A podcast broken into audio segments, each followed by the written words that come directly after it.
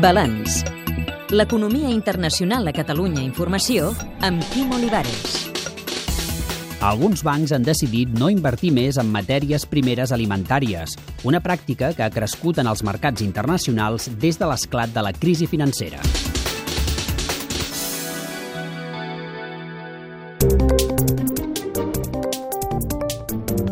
fondos de inversiones, pero también bancos, fondos de pensiones, todo tipo de, de inversores eh, se han dado cuenta de que la alimentación es un commodity, es, es una mercancía a la alza porque siempre hace falta alimentación. Entonces empezaron a especular, empezaban a invertir en lo que se llaman los mercados de futuro.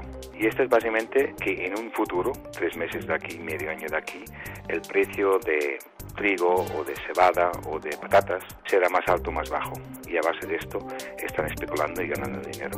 Per Henk Hobelik, enginyer agrònom i coordinador de l'ONG Grain, això ha trencat la llei de l'oferta i de la demanda. El precio de la, real de los alimentos cada vez tiene menos que ver con la necesidad y la realidad del, del campo, tiene cada vez menos que ver con la demanda y la oferta, cada vez más está determinado por la situación de la, de la gente que apuestan por los bancos y los fondos de inversiones. Els especuladors treuen profit de l'augment de preus, no pas els pagesos, i les operacions d'aquesta mena van cap amunt. Es claramente una actividad en la alza. Lo que pasó con la crisis financiera era que los bancos y los fondos de inversiones iban en la búsqueda de un valor seguro, donde ellos podrían invertir, donde seguramente podrían ganar dinero. Y allí encontraron dos elementos donde ellos concluyeron que, que eran mercancías interesantes. Uno es alimentación y el segundo es tierra, tierra agrícola. Un exemple, Etiòpia.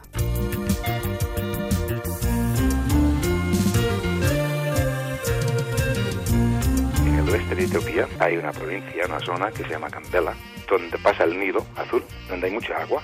El gobierno de Etiopía ha alquilado muchas veces para 50 o 99 años a inversores de fuera entre 1 y 2 millones de hectáreas solamente en esta región. Y es más o menos la mitad de la tierra fértil de esta zona.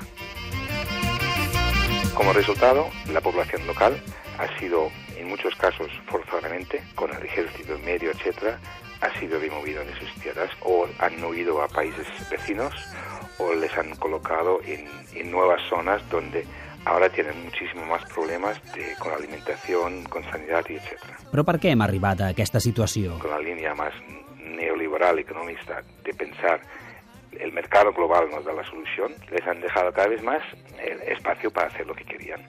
Por un lado, hay estas señoras que ganan un montón de dinero y al mismo tiempo hay mil millones de personas en el mundo que pasan hambre. Ha alguna solució? Nosotros el, el punto de salida es que la especulación con comida no se hace, no se debe de hacer. Hay que encontrar mecanismos donde esto sea ilegal, no, no, no sea posible. O sea, se pueden invertir en muchas cosas, pero en el, en el tema de la alimentación simplemente es una cosa tan fundamental que conecta con derechos humanos que, se, que, que no se debería hacer.